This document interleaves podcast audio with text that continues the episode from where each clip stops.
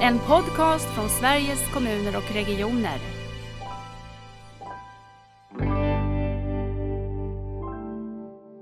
Och sen tänker man att barnen hänger nog med på det. Just det. Och då blir det liksom lite fel storlek på byxorna eller lite sådär va.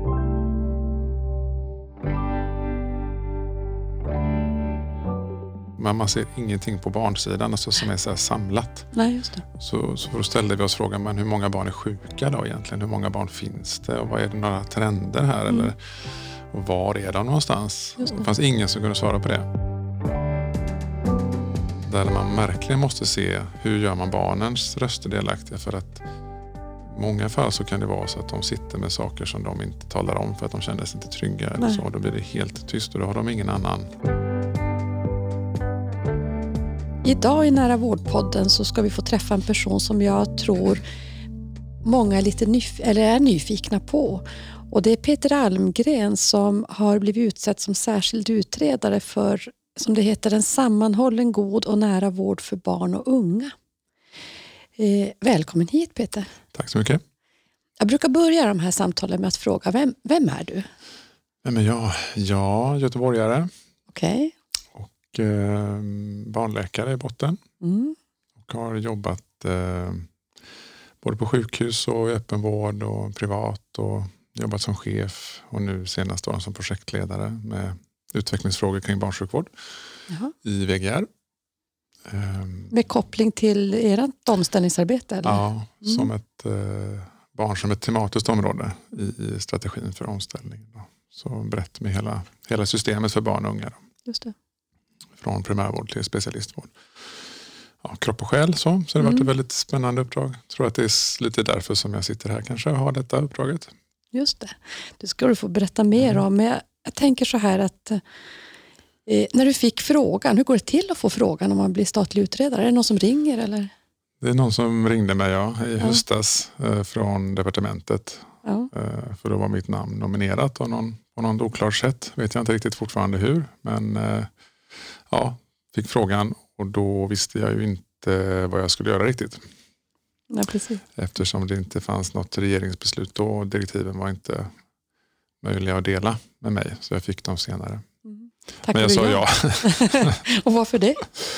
Ja, alltså jag har jobbat med eh, barnfrågor ända sedan jag var alltså undersköterska på barniva 94 kanske så har jag varit i barnfrågor och så har jag liksom hittat ett nytt lärande genom de olika nivåerna och eh, det här kändes ju som en unik möjlighet att få titta på hela systemet för Sveriges alla barn och få lära sig liksom statlig förvaltning och, och se hur, hur den facetten är. Det. Så det kändes som en sån här once in a lifetime eh, opportunity man kanske inte ska säga nej till. Jag tänkte det. Det är klart att man inte ska om man har din erfarenhet. Nej. Jag tror också att det är himla bra att eh, personer som brinner för sådana typer av frågor också rör sig i systemet. Mm. Att eh, också se den statliga förvaltningen och se vad man kan göra där. Det Mm. måste ju vara en, en, en stor möjlighet. Ja, jag tänkte nog det själv spontant och sen har jag hört det som från Göran Stiernstedt och sådär som jag pratat med att det är ganska bra att komma med ett liksom jordbruks eller vin, vinarbetarperspektiv Mm. till staten för att då har man ändå brottats med frågorna och jobbat med frågorna både som chef och liksom i, projekt och i stab och som expert och så kommer man upp då i det här med författning och, och lag, lagutrymmen och vad kan staten göra. Då har man liksom med sig ganska bra eh, know-how då. Precis. Så. Förstå hur det faktiskt kommer att landa någonstans. Ja, men för det här direktiven som jag har som ju vi inte har liksom tolkat riktigt Nej. konkret än då, men jag har ju inte börjat egentligen, är ju naturligtvis väldigt avhängiga hur eh, regioner och kommuner eh, vad de tycker och hur- de, vad de tycker är bra. Så att det går ju nästan inte att komma med ett förslag som inte någonstans är grundat Nej. eller liksom implementerbart. Eh, eftersom det är så starka huvudmän som regioner och kommuner är. Då. Och det är de som ska göra det här i Det är slutändan. de som ska göra det och det är där det sker. Precis. Så att det är klart att det finns en stor ödmjukhet inför vad man kan göra Ja. Liksom centralt ifrån. Eh, Du säger att ni har inte börjat. När börjar ni då? Riktigt? Alltså jag, jag har ju tillträtt som särskild utredare men jag fick igår mitt sekretariat på plats till slut. Mm. Liksom, eh, fyra Vilka personer. blir det? Kan du säga det? Det borde jag väl kunna säga. Mm. Det är ehm, Klara Granat från regeringskansliet, eh, socialdepartementet. Ehm, det är Emma Stärky som kommer från tillitsdelegationen. Mm. Caroline Olivia Elgan som jobbar med god och nära vård nu. Mm. Och Sandra Kreutz som kommer från E-hälsomyndigheten. Mm. Så vi blir fem personer. Spännande. Men sen kommer väl jag utifrån både direktiven och utifrån att jag och Anna ville sam samarbeta. Även om Anna Nergård är i sin slutfas mm. så har vi ju ett gemensamt uppdrag kring psykisk hälsa. Mm. Plus att vi, eh, jag ska ju också utgå ifrån och titta på god och nära vård och eh, vi har redan haft ganska mycket samtal. Och det förstår jag och jag, mm. tänker, jag tänker att det måste ju vara verkligen superviktigt att de här två utredningarna hänger ihop på mm. ett nära sätt. Och om mm. man tänker att Anna då kommer mer med det större paraplyet så blir mm. det här mer riktat, tänker jag, till, mm. till barn och unga.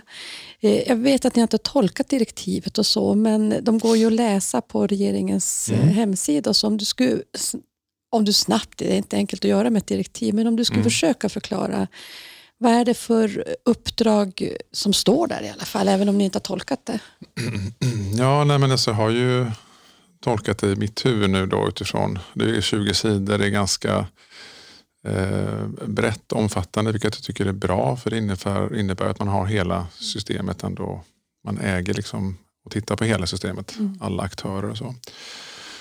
Eh, och det är ju som sagt, det övergripande är ju att få en sammanhållen och god nära vård för alla barn och unga. Då. Så det inkluderar ju liksom alla barn, egentligen alla aktörer skulle jag säga.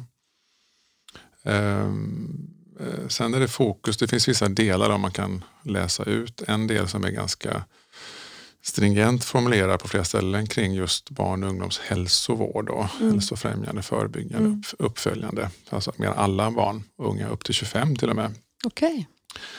Uh, och kanske till och med mödrar. Alltså det finns väldigt brett. Alltså man har ungdomsmottagningar och eh, andra koncept och andra aktörer som liksom eh, BVC till exempel som förebild och så undrar man kan man ha ett sammanhållet system, eh, system med färre aktörer eller en aktör. Hur är det med socialtjänsten? Finns den med på något sätt i det här? Man, har ju, man nämner socialtjänsten på flera ställen och elevhälsan. Mm. Eh, men man är lite försiktig förstås eftersom det är kommunala aktörer och huvudmän mm. så får man, då är det mycket så dialogdelar i direktiven.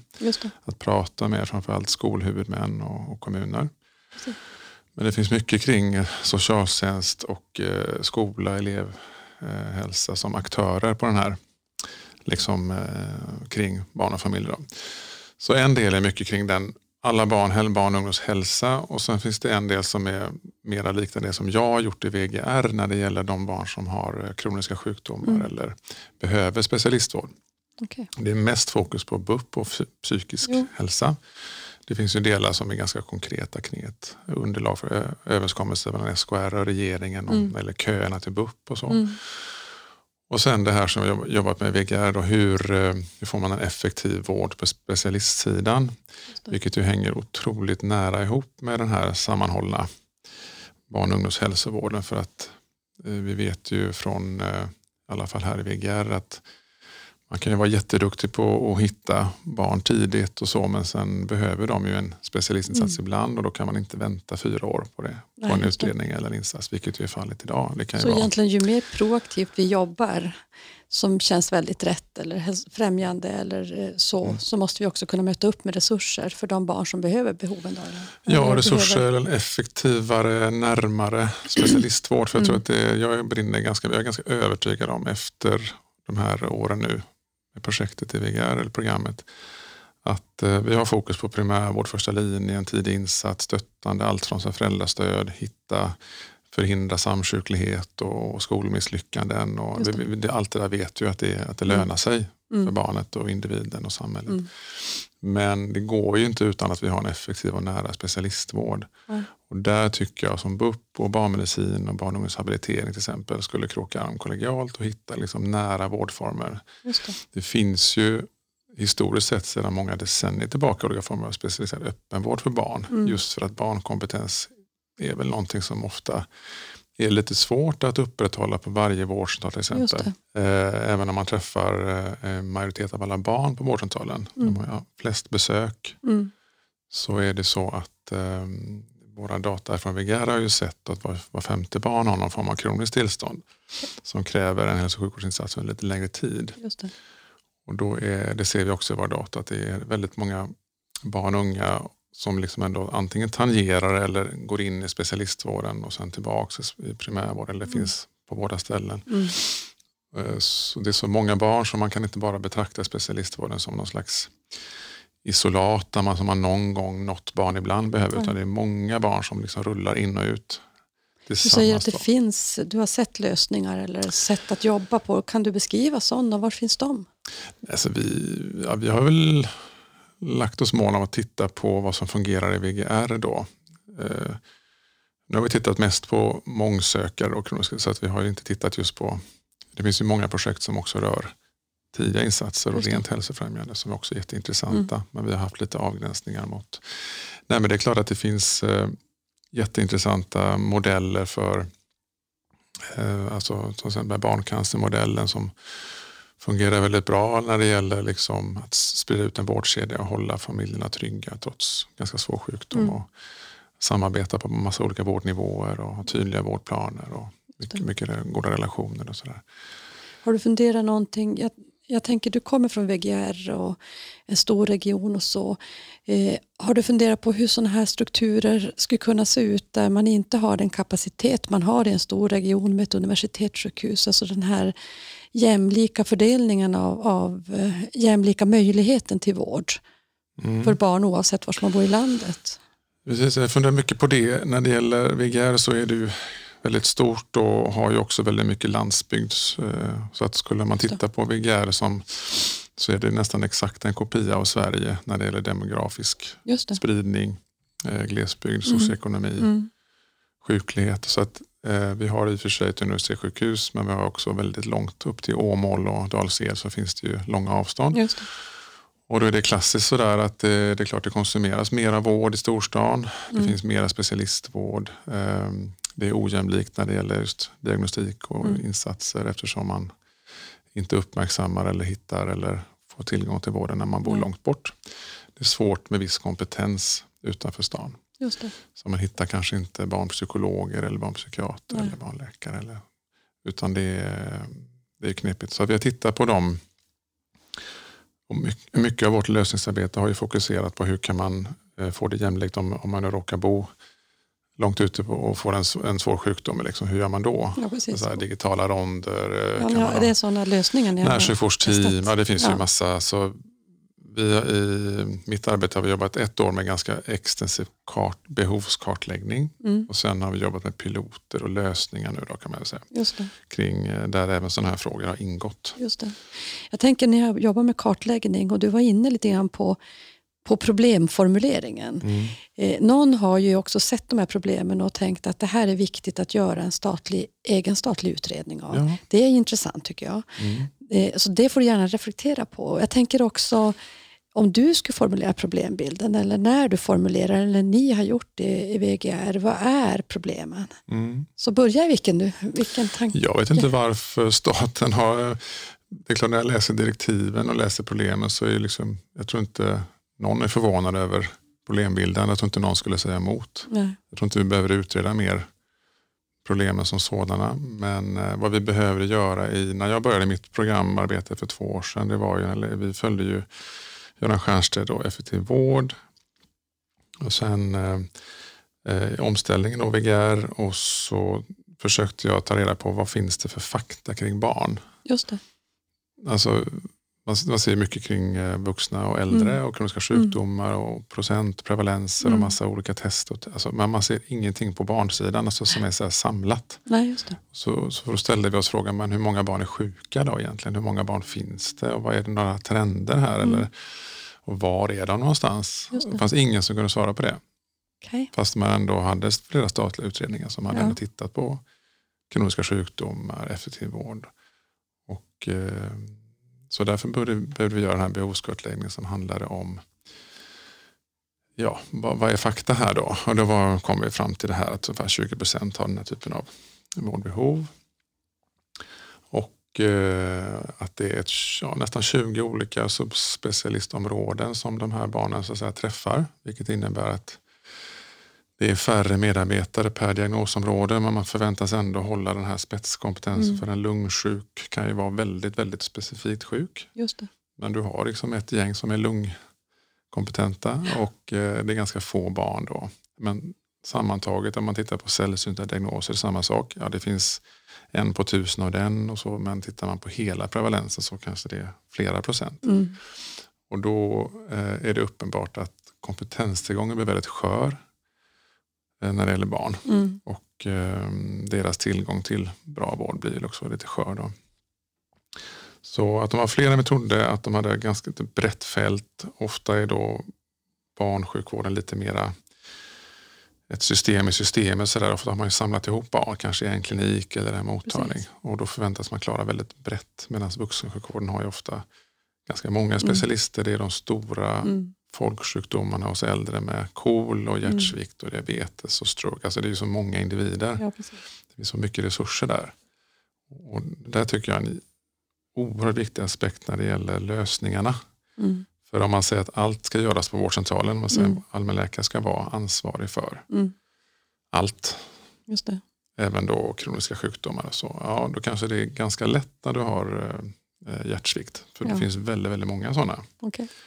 Och du har kommunal hemsjukvård. Mm. så du kan göra olika team och du Mm. kan hitta liksom, men har du då ett barn med hjärtsvikt eller Mm. du har Mm. barn med cystisk fibros Mm. eller barn med reumatism, Mm. alltså, då är det plötsligt väldigt knepigt. Ja, precis. För då, då kan du inte ha den kompetensen. På. Då kanske du måste hålla den någon annanstans. Då. Just det. Men det är klart att de här barnen som har de här tillstånden eller ADHD eller autism, de kommer ju att ha sin vårdcentral och vilja gå där för kanske vaccinationer, BVC, familjen är sjuk, eh, akuta besök och sådär. Då vill man ju ha sin nära vård ändå. Va? Tänker du som att, att egentligen, för Annas utredning och, eh, och också i det arbete vi gör på SKR så är vi noga med att betona primärvården som en vårdnivå Mm. och med två huvudmän, både kommun och, och region.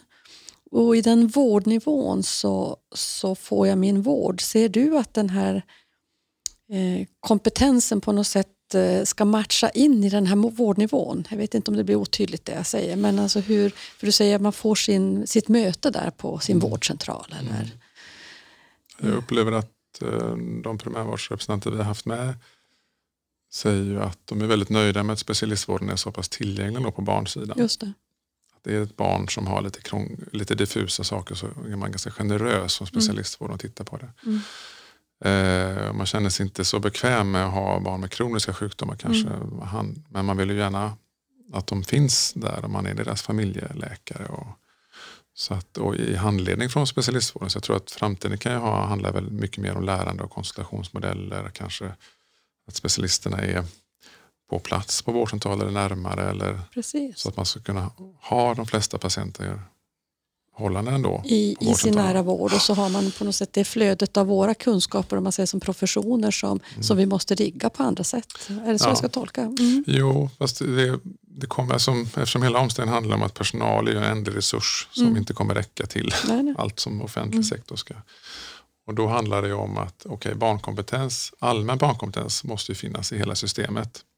Och det är ju någonstans ändå ett ansvar för specialistvården. Och, och sen har vi den mer specifika barnkompetensen som någonstans kommer att behöva koncentreras. Just det. Det finns ju exempel i VGR på det finns då specialiserad öppenvård eller det finns vårdcentraler med tilläggsuppdrag. Alltså det är samma fråga hela tiden. Man inser att det behöver koncentreras på något sätt. Mm. Och ska man, hur ska man göra den modellen då? Mm. Enligt, nu har vi ju lagen om vårdval då Mm. för vårdval vårdcentral. Ja, precis. Och ska, ska, den, ska det bli vårdcentral plus eller ska det bli specialiserat? Alltså det här är precis det som jag tycker är jätteviktigt att prata om. Ja. När det gäller ganska många barn som behöver den lite mer speciella, specifika barnkompetensen. Anna Nergård har ju haft en väldigt dialogbaserat sätt att Mm. arbeta i sin utredning Mm. som eh, också har eh, tagits emot väldigt, väldigt positivt. Mm. Och jag läste också Tillitsdelegationen gjorde ju, hade ju en slutrapport som handlade om myndigheternas sätt att arbeta och också utredningsväsendet. Och, och där för man ett resonemang just om utredningen mer som egentligen ett görande Mm. än ett eh, skrivande, men Mm. mer egentligen av dialogen också som metod. Har du tittat och, och varit eh, eh, nyfiken på annat sätt att arbeta? Och, Jag tycker, vi pratade tidigare alltså, om direktiven så jag, jag Mm. känner jag svarar kanske inte på alla dina frågor. nej, det, fortsätt Men eh, där står ju väldigt tydligt att det, man ska föra dialog. Jag tror att så som Anna har jobbat och flera är ju så som regeringen nu vill ha Mm. statliga utredningar. Mer dialog, jag har fått ganska tydliga, tycker jag man kan läsa i direktiven också, att jag, jag måste ha dialog med olika huvudmän för att de förslag som vi lägger kommer vara implementeringsbara. Just det, Det är ganska kort tid, det är inte mer än ett år lite drygt. Nej, Säg någonting om Ja, tiden. Det är två Det är ju maj år. 21 Mm. som de, så att säga, lejonparten ska eh, redovisas när Just det det. gäller en eventuell vårdreform på Mm. barn och ungdomshälsovårdssidan, avtalet med SKR om köerna till BUP Mm. och eh, psykisk hälsa-lösningar och eventuellt nya vårdformer eller eh, sådär. Så att det, de här tunga bitarna är ju maj 21. Ja. Och sen är det vissa delar kring integritetsaspekter och informationsöverföring och dialog, så främjande arbete som ska komma i oktober 21. då. Mm. Så jag skulle säga att eh, jag är lite nervös för liksom den tids ja det, är, det är kort tid. Det är, pressen så. Ja. Nej, men så att jag tror att det är jag har jobbat väldigt relationellt i VGR, alltså Mm. det, hur har det dialog kunnat se ut eller, då? nej, men alltså, pratat med alla i princip som har någonting med barn att göra. Ja. Antingen i staben eller i, på fältet och med piloten har vi jobbat, pratat mycket med medarbetare och chefer. Och så. Och jag har haft en styrgrupp där vi har haft i princip alla chefer inom barnsjukvård, barnhabilitering, primärvård, barnpsykiatri, Mm. alla, alla sjukhus. Alltså jag har ju ja, jobbat väldigt mycket så. Mm. Så det skulle ju vara konstigt om jag inte gjorde det nu. Så inser jag att Sverige är större och det är många Ja. som vill. Så hur vi gör det, det vet jag inte. Men jag Mm. ser framför mig att jag kommer att fara runt i hela Sverige och prata med alla möjliga. Det som står i direktiven är ju att, så i dialogen, eh, dialogen ska liksom utgöra en grund för förslagen. Alltså man ska ändå, det ska bidra till våra förslag, Mm. dialogen. Men det ska också vara så att, säga, att pröva de förslag som vi lägger. Ska också liksom, jag tror att man skulle kunna trycktesta eller se hur eh, det tas emot. Så att det blir Precis. som två dialogdelar kanske. Va? Och det är ju lite grann så nästan att, inte nu göra för det hinner ni ju inte, men Nej. ändå vara så nära görandet så när ni lämnar så finns det en förankring kring Ja, det är ju drömscenariot Ja. då, om man hinner det. Och Ja. jag tror att det som talar för det är väl att så mycket är redan gjort. Mm. Man behöver inte kartlägga mer kan jag säga. I princip. Och du sa någonting åt mig när vi bara småpratade här innan vi började samtalet om eh, ett, an, ett antal andra statliga utredningar som egentligen har bollat upp den här frågan som Mm. viktig. Ja, det finns ju direktiven också så att det är väldigt många tidigare utredningar som Mm. har i sina betänkanden lagt förslag som ligger i mina direktiv. Då, det här med sammanhållen barn och ungdomshälsovård som den här kommissionen för jämlik hälsa och Mm. barn, eller unga som varken arbetar eller studerar. Eller det finns eh, utredningar kring socialtjänst också eh, som pekar mot samma sak, elevhälsa. Precis. Så det, det är väldigt många som har, redan har kartlagt och tänkt och analyserat Mm. de här delarna. Mm. Och psykisk hälsa har ju något så fruktansvärt mycket projekt och kartläggningar Ja, och vi vet ju liksom, sen är det ju ingen som har kanske löst ut den då. Utan det ska ju då jag göra i den här utredningen tillsammans med Anna Nergård. Så att, eh, jag tror inte vi behöver eh, fundera så mycket mer på, det handlar väl mer om att sammanställa nuläget för oss. Vad, har man, vad, har man, eh, vad finns det för data? Vad har Socialstyrelsen gjort? Vad har SKR gjort i de här fälten? Och, Just det. s- och så utgår man från det så att inte vi springer iväg och gör saker som redan Nej. är gjort eller så. Utan man tittar då. Och det okej, kan ju fin- också göra att du kan använda utredningstiden. Jag menar det, så då, till- då slipper man den här, det tar ju annars nästan ett år att kartlägga problemen. Så. Det, det tänker jag. Och sen VGR-jobbet som jag gjort då, om man nu säger att VGR är representativt för Sverige så har jag ett antagande om att det är nog ganska lika. Mm. Eh, och det kan man nog mera stämma av kanske när man dialogar kring eh, det här är min hypotes om problemen stämmer.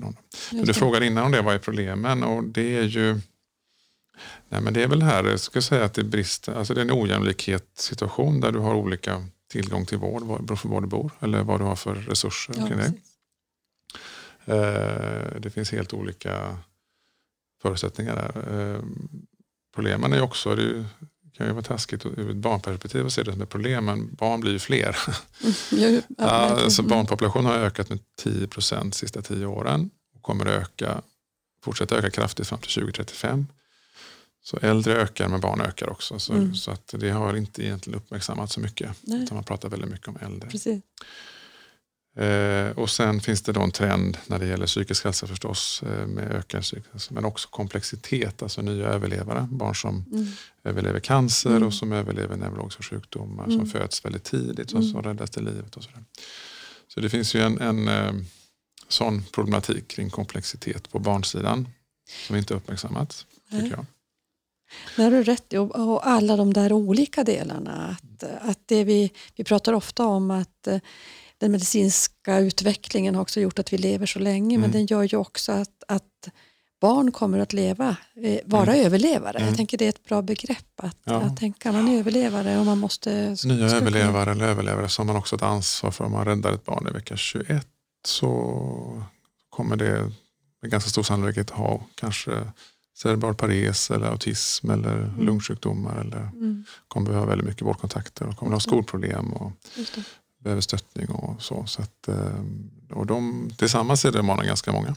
Mm. Det kan man också se i internationella studier så när man tittar på det här med komplexitet och samsjuklighet. Så att det, det finns en ökande Hur trend. ser, hur ser det ut på kompetensförsörjningssidan? Om jag tänker på både läkare och sjuksköterskor. Mm. Eh, är det också så att de här specialiteterna, att bli barnläkare eller barnsjuksköterska eller eh, jobba inom de här fälten eh, också är på något sätt har en, eh, har, en, har en kraft eller att man söker sig dit? Då? Ja, vi har tittat på VGR igen då. Det finns ju trots allt, det som har minskat är ju undersköterskesidan Mm. väldigt tydligt. Mm.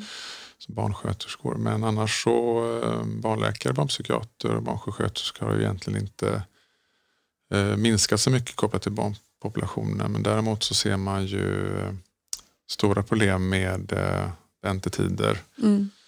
Det kan vara inom psykiatrin men det kan också vara ibland inom medicinska till vissa operationer eller till viss specialistvård eh, som väntan. Det. Eh, andra problem är ju då det här med koordination och samordning som kanske Mm. är det mest framträdande. Mm. När du har mer än en vårdkontakt så blir det Mm. ofta struligt. Mm. Eh, Så koordination och samordning är ett stort problem. Eh, Och sen då kontinuitet förstås som jag Mm. vet att framförallt primärvården klagar mycket på. Med att det skadar verkligen liksom utförandet väldigt mycket. Eh, och sen är det med kompetens då, att ha rätt kompetens i rätt tid. Eh, är också en sån här vanlig. Och den här tillgången till högspecialiserad kompetens som är väldigt skör då för barn som är extremt utsatt just nu skulle jag säga. Mm. Eh, och där kan det handla om eh, vårdplatser som, som behövs för inför operationer där det inte finns och så blir det massa barn som inte är dödssjuka som får vänta på. Till exempel barn med, med cerebral pares som inte får sin rygg eh, eh, inte får sin eh, smärtpump och så får man irreversibla ryggskador som skulle behöva opereras. Så det finns massa exempel på väntan orsakar problem. Mm. Eh, väntan, vad är det mer? Ja, sen är det här med information eh, som Just vi också att eh, tappad information. Att, eh, Mellan huvudmän tänker mellan du? eller? huvudmän, det kan ju vara i, till och med mellan en privat och offentlig vårdcentral eller mellan en Mm. barnakut och en annan barnmottagning. Man har Mm. inte samma journal. Mm. Habiliteringen, BUP, alltså Mm. patienter får, eller föräldrar då får upprepa sjukhistorien Mm. Just det. 5-11 gånger och eh, det innebär ju ibland så att säga missade bollar, ibland överutredning och eh, frustration och stress och otrygghet. Och så. Mm. så den informationsbiten är ju tydligt eh, problem skulle jag säga. Jag tänkte på en annan eh, sak. Du pratade om det här med involvering och dialog under Mm. utredningsarbetet och att det både står i direktivet och det så skulle vi jobba. Eh, har ni haft någon bra metod för att involvera barnen själva när du har jobbat med din, eh, ditt arbete i Västra Götaland? Alltså Mm. barnens perspektiv in i, i eh, barnsjukvården eller elevhälsan eller eh, så. Mm. Har du några erfarenheter eller har du några drömmar eller tankar om det? Ganska mycket. Vi har jobbat aktivt med det, med barnrättsperspektivet. Med, Mm. Vi har också den kompetensen kopplad till styrgruppen i eh, VGR. Eh, och vi har djupintervjuat föräldrar, vi har djupintervjuat barn med kronisk sjukdom och gjort så tematiska analyser och liksom på det sättet gjort deras röster hörda. Eh, vi har gjort försök med referensgrupper, det eh, har varit svårt att få till. Vi har haft samarbete med BRIS kring det här med hur gör man barn delaktiga. Vi jobbar med ombud för barns rättigheter. Vi har ingen solid metod tycker jag att göra barn och unga delaktiga i utvecklingsarbete Nej. av den här sorten eller reformarbeten. Det är nästan ingen som har det. Kan jag säga. Det finns en del exempel på ungdomsråd och expertgrupper som kopplas till vissa sjukhus eller kliniker eller mm. så som är jättefina. Men det är väldigt svårt att systematiskt få det när du har ett, ett regionalt utvecklingsprojekt eller, eller en statlig utredning. Mm. Men det har vi ju. Vi har ju en skyldighet att göra det tycker jag. Mm. Så vi kommer nog ringa en speciell del som, där vi kanske samarbetar med BRIS eller Barnombudsmannen eller de som har och så får man hitta någon teknik för att göra barn och unga och deras ja. delaktiga i, i det här reformarbetet också. Det Precis. tycker jag är helt, helt nödvändigt. Precis. Jag, jag tror faktiskt att, att vi har mycket att lära. Jag förstår att det, det är ju ännu svårare i utvecklingsarbetet och ännu svårare i ju mer högre upp man kommer i systemet. Men jag tror också att vi har en del att, att lära i hur vi kan göra det också i utvecklingsarbete på verksamhetsnivåer. Vi mm. får så mycket, mycket mer tillbaka. Ja. Så är det. Så att... Nej, men eh, jag, ja, man skulle kunna prata en hel dag om det bara, men det är så mm. uppenbart. Kort kan man bara säga att när vi började intervjua professioner och brukarföreningar om problembilden mm. så var alla väldigt överens. Det som vi har pratat om innan, det, det här är problemen helt klart. Och så pratade vi med föräldrarna och det var 20-tal föräldrar till barn med olika kroniska sjukdomar. Sådär. Ja, de var helt samstämmiga med det här är precis så profession och föräldrar är helt överens.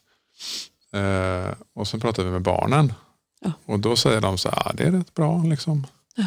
Jag har hjärntumör eller jag har ADHD men det går rätt bra. Eh, och de är snälla i vården och så. Eh, så det första svaret är liksom att de är rätt nöjda. Då undrar man, behöver man överhuvudtaget jobba med den här frågan? Men sen märker man, för vi hade en, en journalist som heter Ylva Mårtens som är väldigt erfaren från, från radio och hon pratade med de här 20. Så de pratade i flera timmar och då kommer det fram jättemycket saker under ytan. Mm. Hur viktiga föräldrarna är mm. för, för deras överlevnad och ja. liksom välmående och trygghet. Helt avgörande. Ja. Annars hade de inte, liksom, inte klarat sig. Skolan, hur jobbigt är skolan att vara borta och inte förstå och missa saker och vem vet och hur, så här, vem ska jag lita på? Där, skolan är ett stort område. Och sen är det ändå så att de ser hur stressade vården är. De ser ju hur stressade alla är runt omkring dem mm. kring att få ihop det här. Då. Mm. Och sen tycker jag så här, barnets perspektiv i detta är mycket att om, så, så här, nu blir ofta barn väldigt gott bemötta faktiskt. Det är de ganska god kritik ändå för att de som jobbar med barn är ofta väldigt ja, lyssnande och gör barn delaktiga. Och så där. Men de säger ju det också att om inte, om inte jag litar på behandlaren mm. då berättar inte jag vad som egentligen är problemet. Nej, just det. Då är jag bara tyst. Vi är ju, sitter ju i eh, i Göteborg nu på en konferens som handlar om personcentrering för mm. Centrum för personcentrerad vård här i Göteborg mm. firar sitt, eh, tioårs, eller har sitt tioårskalas här. Mm. Och då tycker jag att det, det, du säger handlar ju egentligen om personcentreringen. Nu handlar det om utvecklingsarbete men mm. också i behandlande situation. Mm. Har du några erfarenheter eller tankar om det? Nej, men jag tror att det är svårt för vuxna också förstår jag, för vården har en stor utmaning att faktiskt ändra sig från det hierarkiska vi vet bäst mm. för dig mm. till att lyssna på en, en vuxen person och mm. säga du får bestämma nu, hur vill du ha det? Det är ju svårt, det fattar ja, jag också. Men för barn är det liksom en aspekt till, för det, föräldern har ju den rollen som vuxen då, att du ska lita på och där är ju också barnsjukvården ganska hierarkisk, att man, föräldern ska bara vara en bra förälder men har ingen in, ska inte liksom bestämma om vården även om föräldern kanske är expert. Ja, så det finns en sån personcentreringsproblematik okay. när det är närstående också. Ja.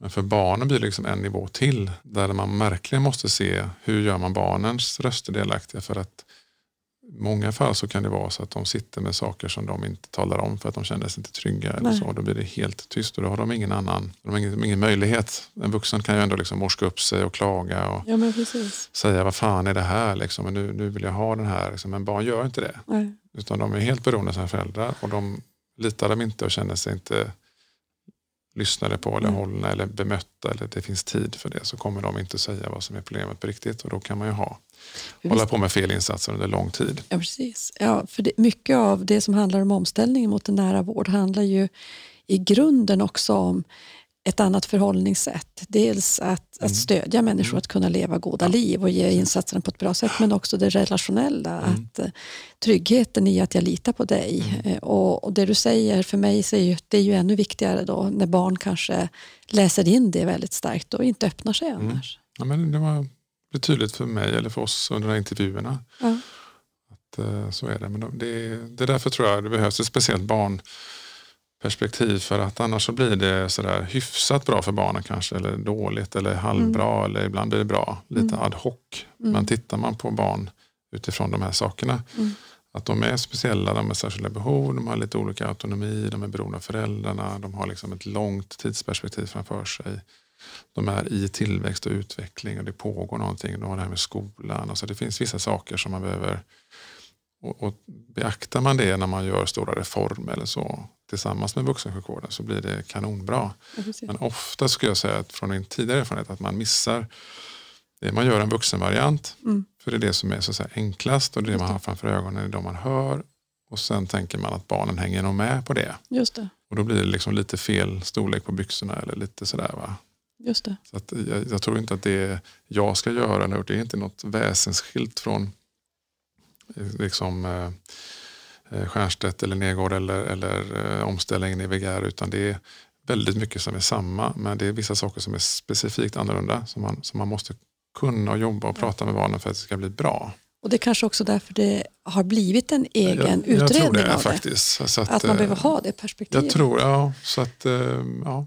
Jag tänker också Klokt. på, på de röster man inte hör. Vi, jag, jag kommer ju i, i grunden från Region Norrbotten och, och vi jobbar där och de har säkert fortsatt sedan jag lämnade nu för det här uppdraget med en digital ungdomsmottagning. Mm. Vi pratade mycket om att men vi måste ju fråga ungdomarna hur de vill ha det. Eh, det vi sen såg är att det gäller ju att inte bara fråga de ungdomar vi idag når med ungdomsmottagningar. Mm. Det är kanske de vi inte når vi måste Mm. fråga. Skulle det här vara ett alternativ för dem? Killarna som inte kommer i lika stor utsträckning eller Mm. de som har socioekonomiskt eh, mer utsatta. Mm. Att faktiskt också mötas, eh, möta Mm. dem och förstå behov på ett annat sätt. Mm. Har du Allt- tankar alltid- kring det här med jämlik hälsa och hur ni... Ja, det är alltid, jag tycker det är, vi ska ju ändå på något sätt ha ju i direktiven att göra någon form av barnkonsekvensanalys eller barnrättsprövning i det här jobbet. Och då Mm. inne, eftersom det också är lag nu Mm. så innebär ju det att titta på vilka barn är det vi inte har hört nu eller tittat på eller kommer den här reformen att bli dålig för någon, någon grupp av barn. Precis. Det är ju erkänt svårt att hitta de barnen som har resurs eller så socioekonomiskt utsatta eller som Mm. far illa eller våldsutsatta barn eller med språk. Vi vet ju att vi alltid misslyckas med att, att höra dem. Just det. Så Det blir ju ofta de barn som har starka föräldrar och som liksom kliver fram och är duktiga. och Sådär. Så att det, det har vi eh, hela tiden liksom alltid misslyckats med. Mm. Eh, Men i en barnkonsekvensanalys så gör man ändå liksom den bedömningen att ja, kanske de barn som lever i de här förhållanden, de, de, de kan ju få det bättre till och med. Att den här reformen kommer att göra att de får, får en bättre, som det här med utökade hembesök till exempel, till, till vissa områden. Men att man ändå har beaktat dem och gjort ett försök att göra dem hörda också. Precis. Så det är ju I- jätteviktigt men svårt ska jag säga. Ja, jag tänker att det är ju, mycket av omställningen handlar ju också om att, att jobba mycket mer uppströms, att Ja. börja tidigare och då behöver man ju också nå dem som, Mm. som vi vet har de allra största behoven. Så är det. Och det är också barn är ju mera, man ser forskningsmässigt så är barn mer utsatta för eh, alltså, man säger, hårda förhållanden eller resurssvaga förhållanden eller så, så hamnar de ju mer i ohälsa än Mm. kanske en vuxen i samma Mm. situation. För de är mer beroende, mer utsatta så att det är nästan ännu viktigare att hitta de barnen. Så. Men, men som sagt, det är en utmaning. Jag tänker att eh, eh, kommuner och regioner tror jag kommer att vara väldigt intresserade av den här utredningen, eller det vet jag att, Mm. att eh, man är och så. Har du eh, någon erfarenhet av vad det finns motstånd i det här? Var, vad tror du att du kommer att möta? Kommer du att möta något motstånd eller är det bara en längtan att nu äntligen får vi ihop de här delarna? Eller?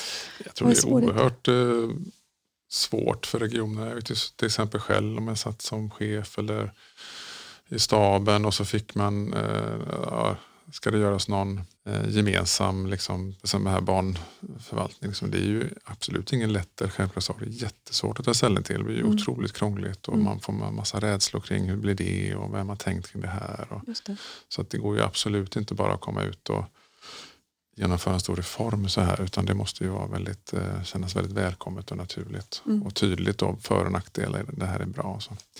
så jag tror att det är ju en, eh, eftersom mina direktiv har ju en del som är väldigt organisatorisk, Mm. mycket som huvudmännen, då både kommun och Precis. så kommer det vara säkert jättemycket rädslor eller frågetecken Mm. eller olika syn på saker och ting tror jag. Elevhälsans roll är ju liksom, Ja, det finns säkert många olika syn på det. ja verkligen. Eh, Uppdrag, om, omfattning, Ja. vem äger. Ja, du vet, det är nog ganska känsligt. Jag Och sen tror jag också våga. Ja, sen tror jag också psykiatrin eh, och somatiken där möter vi fortfarande ganska ofta att eh, man vill dela upp det här väldigt mycket. Just det. våra stuprör. Liksom. Ja, men psykiatri är en sak, medicin är en sak. Ja. Ja. men det är så tänker man inte som barn. liksom, Nej, jag tänkte för det var precis det jag skulle föräldrar. säga. Att, att det gäller att orka ha barnets och, Ja. och, och föräldrarnas perspektiv. Det är Mm. då vi kan få ihop de här äh, stuprören. Men det är ju inte helt enkelt. Ja, det är inte lätt. Så det tror jag, någon sån kollegial samling kring, det är väldigt många barn, unga som har tillstånd som kräver många specialiteter. Man Mm. tänker sig eh, ja, barn med apati eller könsdysfori eller ADHD och fetma och autism. Alltså, tidigt födda barn, eh, ja, det finns barn som inte äter, så där ofta behöver ju liksom flera och då kan vi inte ha det här skickandet av remisser Nej. mellan, eh, liksom, eller lämpa över det på elevhälsan eller vårdcentralen plötsligt. Eller, alltså det måste vara någon, någon ordning på eh, det här. Alltså, som du säger, jag tror att man skulle kunna ändå fråga liksom alla i Sverige här nu, ska vi göra någonting här nu? Eller är det, det kanske Precis. skulle vara bra för alla om, om det fanns någon enklare variant där. Mm. Men jag är extremt ödmjuk för att det, det kanske inte går, det kanske inte är det som är lösningen. Mm. Det kanske är bara att krångla till det. Men, Mm. men det är ju tydligt i direktiven att det här ska liksom på något sätt ändå bedömas. Om, om vi ska ha någon enklare variant Ja, men- som alla är med på då. Liksom. Precis. Ja, men vi gör så här då. Då tror vi att det blir lättare att hålla ihop Ja. informationen. Eller barnen blir tryggare, det blir effektivare, vi sparar Precis. resurser. Eller hur Och spännande vad man än kommer fram till. Att man i alla fall har djupdykt i frågan och sett hur den skulle kunna se ut. Precis så. Jag, Ja. jag tänkte du var inne på lite grann samarbetet med Anna Nergård. Och Anna Nergård har ju sitt tilläggsdirektiv om, om lättare psykisk Mm. ohälsa i primärvård. Och, och jag förstår i ditt samtal att ni ser att de här går ihop på något sätt där. Mm. Så att just jag skulle gärna vilja att du resonerar lite grann kring, eller berättar lite grann kring din syn på, på barn och unga med psykisk ohälsa. För det känns ju väldigt väldigt um, alarmerande och väldigt eh, oroande tycker jag. Ett samhälle där, där fler och fler säger att de inte mår bra. Eh, och hur du tänker att det här ska på något sätt para sig med Annas utredning. Och hur ni tänker, ni har väl Mm. pratat ihop er? Ja, vi har inte pratat ihop oss specifikt så Nej. alls utan vi har bara etablerat kontakt och Mm. liksom Mm. hittat varandra. Men jag är inte heller barnpsykiater, jag är inte expert. Ska jag, säga. jag har inte djupläst alla rapporter kring psykisk hälsa men jag vet att det är en ökande trend, så är det Mm. även globalt. Mm. Jag vet att det kanske har att göra med skolan och stressen i samhället. Mm. Det har att göra med diagnostik av neuropsykiatriska funktionsnedsättningar. Det kan jag lite bättre eftersom jag har jobbat med det. Och där tror jag att det finns en annan klinisk praxis idag. att alltså Prevalensen av autism och neuropsykiatriska funktionsnedsättningar är nog inte högre egentligen. Tittar man på tvillingstudier så, men det, det diagnostiseras oftare. Mm. Så att det kan finnas en överdiagnostik men det kan också finnas en eller det finns en underdiagnostik också. Just det. Där man kan få vänta alldeles för länge innan man får sin diagnos. Jag tänker i- till exempel finns man och arbetar i primärvården så kommer man ju se att här pågår utredningar parallellt med varandra. Mm. Några som tittar på det som är primärvårdens roll för, för personer med lättare psykisk ohälsa Mm. och så pågår er utredning samtidigt. Så Mm. jag tror det kommer att finnas en, eh, ett behov av att förstå hur de här eh, på något sätt hänger ihop om Ja. de gör det. Och hur ska vi göra det? Du jobbar ju med detta på...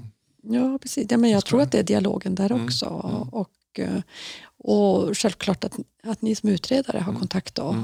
Och det måste ju vara bara, bara kraftfullt för då får man ju varandras kunskaper. Ja, men det har känts naturligt. så. så att, eh, och, och vi bygger ju nu då expert och refer- referensgrupper Ja. efter där liksom man får med alla alla er och alla andra som jobbar med de här Precis. frågorna. För att eh, vi, vi, kan, vi måste börja därifrån. Vi kan inte börja om eller göra någonting som Nej. är helt stick i stäv med det. Utan det gäller Ja, jag tror att vi måste samla, att vi måste också vara effektiva i statlig förvaltning. Att liksom titta på att det är ändå, nu har de anställt mig på heltid. Liksom. Mm. Det får ju vara någon nytta med det då. Liksom, att man försöker se vad är det som inte har gjorts. Ja men precis. Och att inte bli- börjar om hela tiden. Nej, man kan inte alltid börja om.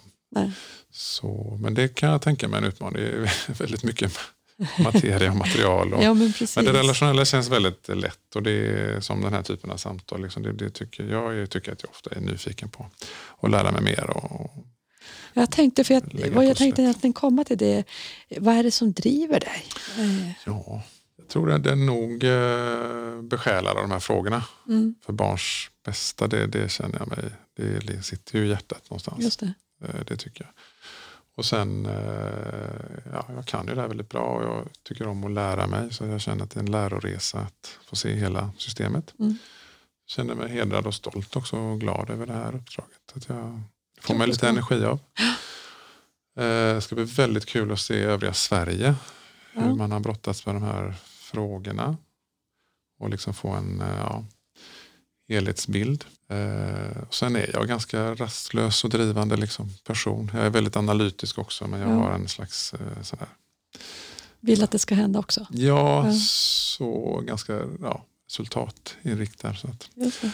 Får väl, eh, det är väl säkert därför som jag har fått detta också. Jag skulle säga att det verkar passa bra tycker jag, hela din, din, eh, ditt driv och kanske. din kompetensprofil in i det här uppdraget. Jo, men så ska jag säga. Jag känner mig väldigt rustad för det sakmässiga och frågorna som sådana. Men, men, men väldigt ny i, i liksom den världen jag kliver in i nu. Och samtidigt kan ju det vara bra, brukar jag tänka. Att, eh, Ja. att komma med de där nyfikna ögonen och Ja. inte kunna allt eh, Precis. kring den statliga förvaltningen som Nej. det gäller för dig. Då. Jag tänker, är det någonting vi inte har pratat om som du känner att det här skulle jag Mm. vilja eh, eh, faktiskt att vi pratar om när du får chansen? Att, Nej, men jag tror vi har, um, vi har pratat om, om direktiven och problemen och erfarenheterna som jag har. Och, nej, jag känner mig ganska, jag har gått runt de flesta Och jag- ämnen. det kommer att vara så att, eh, att du får mycket fokus på det och vi kanske återkommer och hör hur Mm. går det då. Och jag hoppas ju också på fortsatta dialoger på andra sätt än Mm. bara via en podd såklart. Precis, och nu, idag är jag inte speciellt tydlig förstås. För nu har, nu Nej, är det- mer ett det samtal jag kring allt möjligt. Men, men när, ja, någon månad eller två hoppas jag att vi har en tydlig liksom, arbetsplan och ett hur. Och det. vilka, det kan ju vara frågedirektiven som är, man behöver prioritera ner eller lägga åt sidan till förmån för att vissa är väldigt stora och tunga frågor. Så. Eh, så Kommer du att eh, pendla till Stockholm? Ja, alltså det är varannan vecka. Jag har ju tre barn här som jag har varannan vecka. Så Ja. att, eh, jag blir Göteborgskontoret Lite ena Skype och så. veckan. Skype och sen Ja. blir det Stockholm och Sverige andra Mm. veckan. Då, så att det. det ska funka. Men det var viktigt att jag fick eh, vara kvar i Göteborg i alla fall när jag fick frågan. Ja, förstår jag. Mm. Det, vi brukar sluta de här samtalen med en reflektion kring närhet. Så jag Mm. funderar, vad är närhet för dig? Vi hade några kärnord i vårt arbete här. Det var enkel, nära, trygg och kunnig ska vården upplevas vara för. Då är man nog ganska nöjd med det mesta. Och i nära då la vi, ja, vi la flera saker. Jag tycker det var ganska bra. Jag vet inte om det var um, VGR, nära vård, som hittade den här alltså, relationella närheten, geografiska närheten och tilliten. Och så. Så att I nära la vi nog då i alla fall eh, ja, det här lite mer vårdcentral, geografiska, sociala, alltså att man har det här, eh, hur är det runt barnet faktiskt med de här aktörerna, geografisk närhet. Men sen tror jag också mycket, alltså vad, vad är nära till hands, liksom, vad, vad finns tillgängligt snabbt i tid eller i, i, eh, när, när du behöver det. Liksom, eh, någon form av, eh, så det kan det vara digitalt eller det kan vara ett telefonsamtal eller liksom en till, att man vet att det där är min nära resurs som tänker på mig. och så. Vad jag tror behövs kanske i debatten nu kring närhet, för digitala lösningar jobbar vi jättemycket med. Mm. Vårdcentralens uppdrag är ju verkligen i fokus. Mm. Eh, Jag tror att man behöver jobba en del med specialistvårdens uppfattning av nära. Ja, just det. Berätta eh, mer. Tillgängligt. Ja, men det är allting från alltså videokonsultationer, närsjukvårdsteam, att eh, auskultationsmodeller, jobba på vårdcentral, alltså ha öppen vård. Eh, huruvida liksom det här lite mer sjukhusakut tunga ska kunna rinna ut lite mer på fältet så att säga. Och om det. det är, är det görbart utifrån praktiska mm. förutsättningar med antal folk och sådär. Men det, det, tycker jag, den facetten, som jag sa innan i början här, att vi har två stora bulkade vårddirektiv. Det ena är den här barn och ungdomshälsovård 0-25 men också den här ganska stora specialistvårdsdelen med barnpsykiatri, barnmedicin, habilitering som möter så pass många barn. Och det är ju två liksom delar av samma hjärta, det är som mm. höger och vänster kammare nästan. Liksom. Mm. Det måste hänga ihop och då tror jag att eh, primärvården behöver ju rustas. Eller liksom, behöver verkligen, vad är det här nu då? Vad ska man göra? Vilka metoder ska vi ha? Men specialistvården kan inte vara ett isolat utan måste vara mycket närmare. Det måste kännas som att men vi, är, vi är nära, vi ligger diktan, vi är med. Vi tar emot, vi tar hand om, vi bollar tillbaka. Alltså det där. Det är fortfarande ett, ett, system, ett helt system. Ja, även om barnsjukvården är ju längre fram kanske än vuxensidan så tror jag ändå att det är där som man har den stora utvecklingskraften mm. och stora vinsterna då. För då slipper man ju den här eh, samsjuklighet och utvecklingen av sämre hälsa och misslyckanden och sjuklighet när åren går. Liksom. Då kommer ja, man mera tidigt med rätt kompetens. Så ja, det ja. tänkte jag kring nära.